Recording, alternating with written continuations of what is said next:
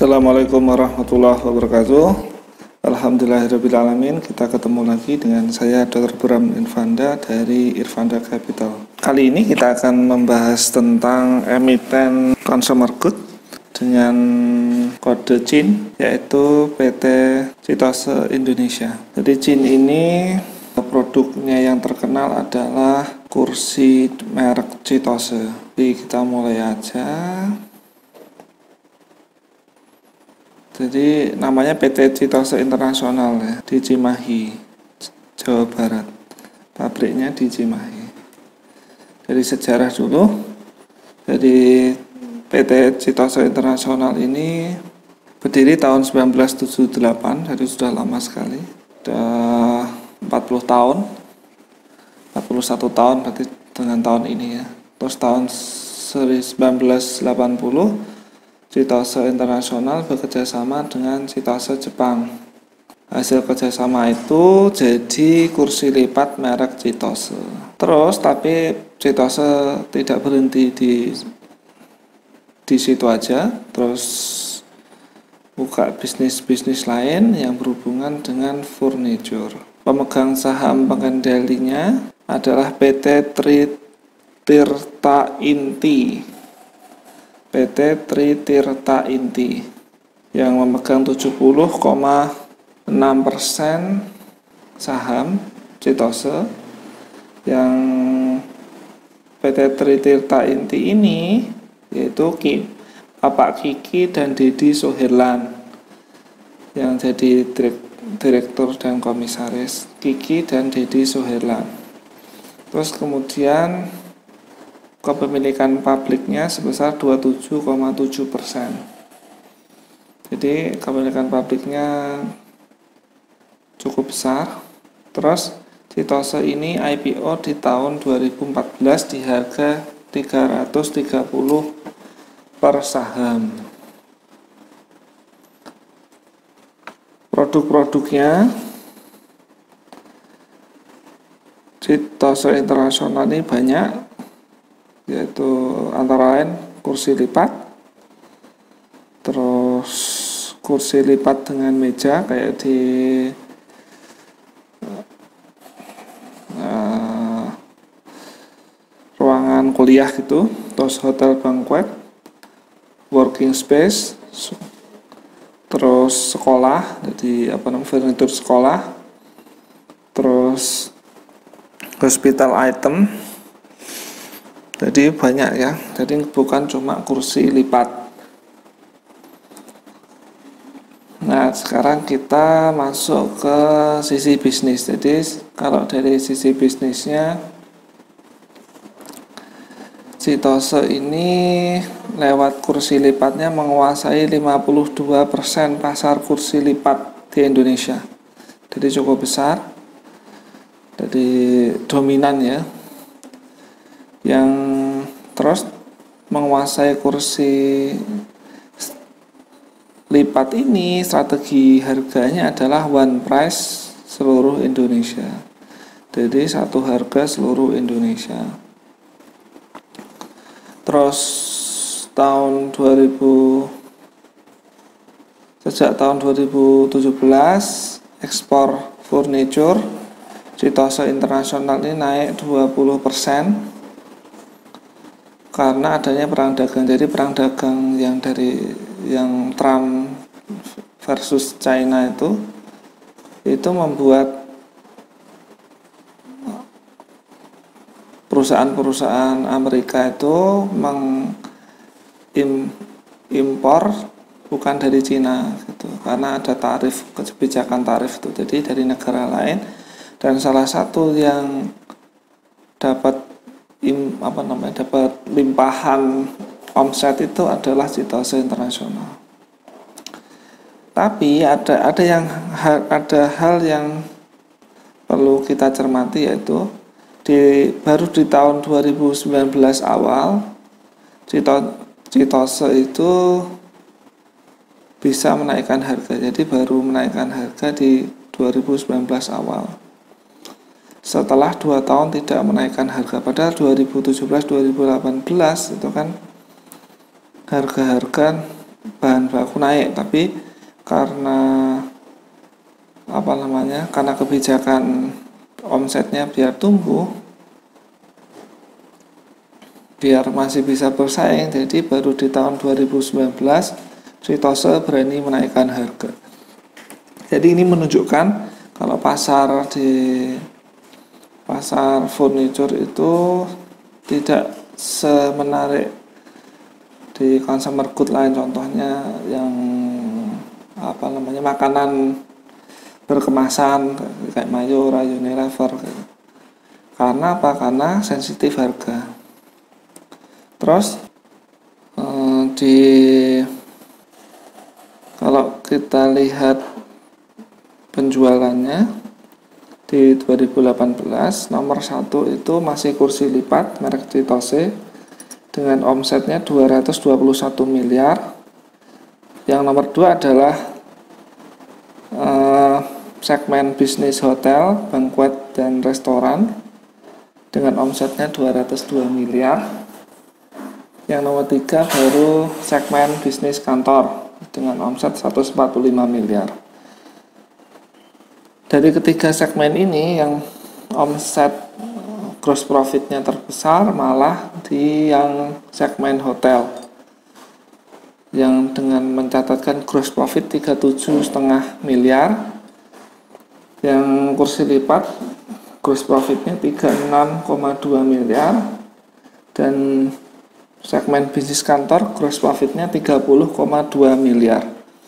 Jadi walaupun kursi lipat menguasai tapi penguasaan itu e, harganya itu bukan harga yang baik jadi gross profitnya hanya sekitar 15 persen. 15 sampai 20 persen.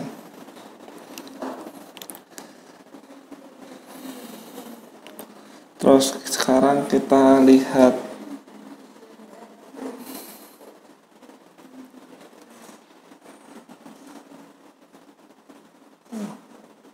ikhtisar keuangannya. Jadi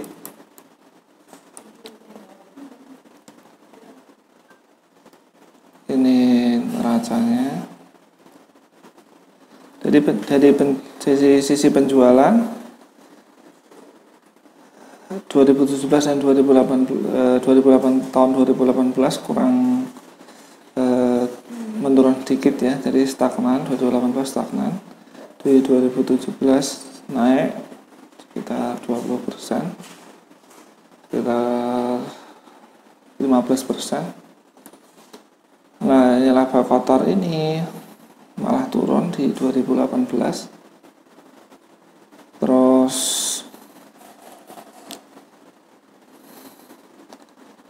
laba bersihnya tadi turun ya. Laba bersihnya turun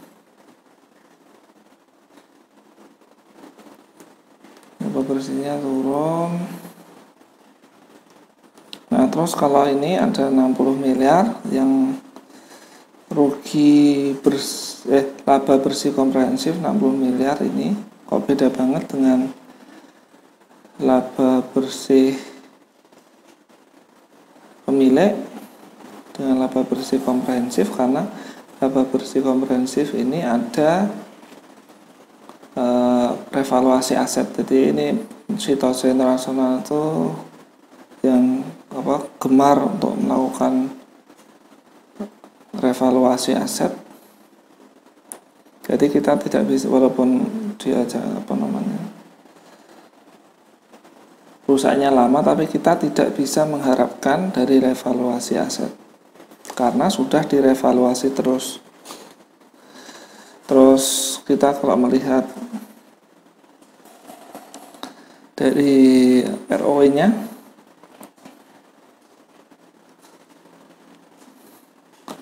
ROE nya kecil ya di antara 3 sampai 7 persen kecil dan RON nya malah 2 sampai 6 persen. Jadi ini kecil sekali mampu labanya terus adalah jadi secara bisnis uh, omsetnya bagus menguasai Indonesia tapi kemampu labaannya kurang baik. Terus kita ke keuangannya. Jadi secara untuk likuiditasnya kita ke neraca.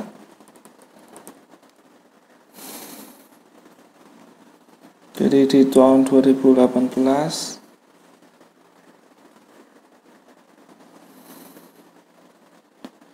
likuiditasnya untuk situasinya cukup bagus ya walaupun kalau kita lihat operating cash flow-nya tahun 2018 negatif 9,7 miliar. Eh, ini penurunan yang sangat eh, besar dari 2017 dan 2018 sehingga kasnya di akhir 2018 menurun setengahnya hampir setengah di hanya 38 miliar. Tapi kalau kita lihat jumlah utang jangka pendeknya jadi utang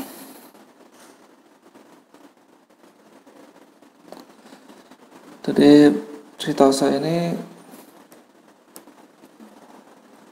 secara solvabilitas jadi liabilitas jangka panjangnya tidak ada utang bank jangka panjang jadi secara solvabilitas bagus. Terus secara liabilitas ya secara likuiditas utang bank jangka pendeknya hanya 12,6 miliar. Terus utang usahanya 58 miliar. Tapi utang usaha ini kalau kita lihat di piutang usahanya 42 miliar jadi aman. Dari secara likuiditas eh, Citose internasional itu secara likuiditas dan solvabilitasnya bagus.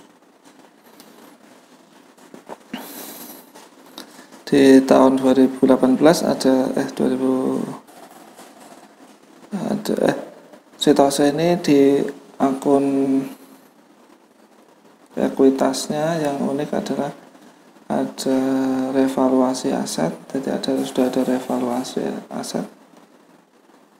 Jadi kita tidak bisa mengharapkan revaluasi, revaluasi aset lagi. Yang tahun 2017 sebesar 30 miliar gede ya. Terus saldo labanya hanya 123 miliar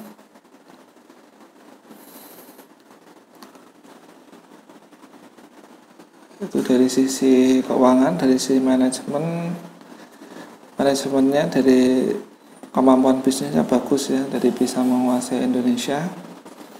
Dan walaupun di 2018 banyak orang yang bilang secara bisnis itu susah tapi bisa mempertahankan jadi manajemen situasi bisa mempertahankan. Dan menjaga market share-nya di angka lebih dari 50%. Tapi kalau kita lihat dari evaluasi aset eh, dari evaluasi aset dan kemampuan labaannya rendah jadi secara kemampu eh, manajemen kurang bagus dalam menjaga kemampuan labaan dan terlalu cerdas dalam keuangan jadi sehingga dia melakukan revaluasi aset. Nah kita kalau dilihat dari harga sahamnya di tahu di waktu IPO harga saham Citose Internasional itu di harga 330 tapi sekarang di Jumat lalu tanggal 19 itu harga sahamnya di harga 280 jadi menurun daripada harga IPO nya sedang di Oktober 2018 malah di harga saham Citose Internasional malah di harga 220 per saham. Jadi kita bisa sebenarnya bisa kita tunggu. Terus kalau kita lihat ya dari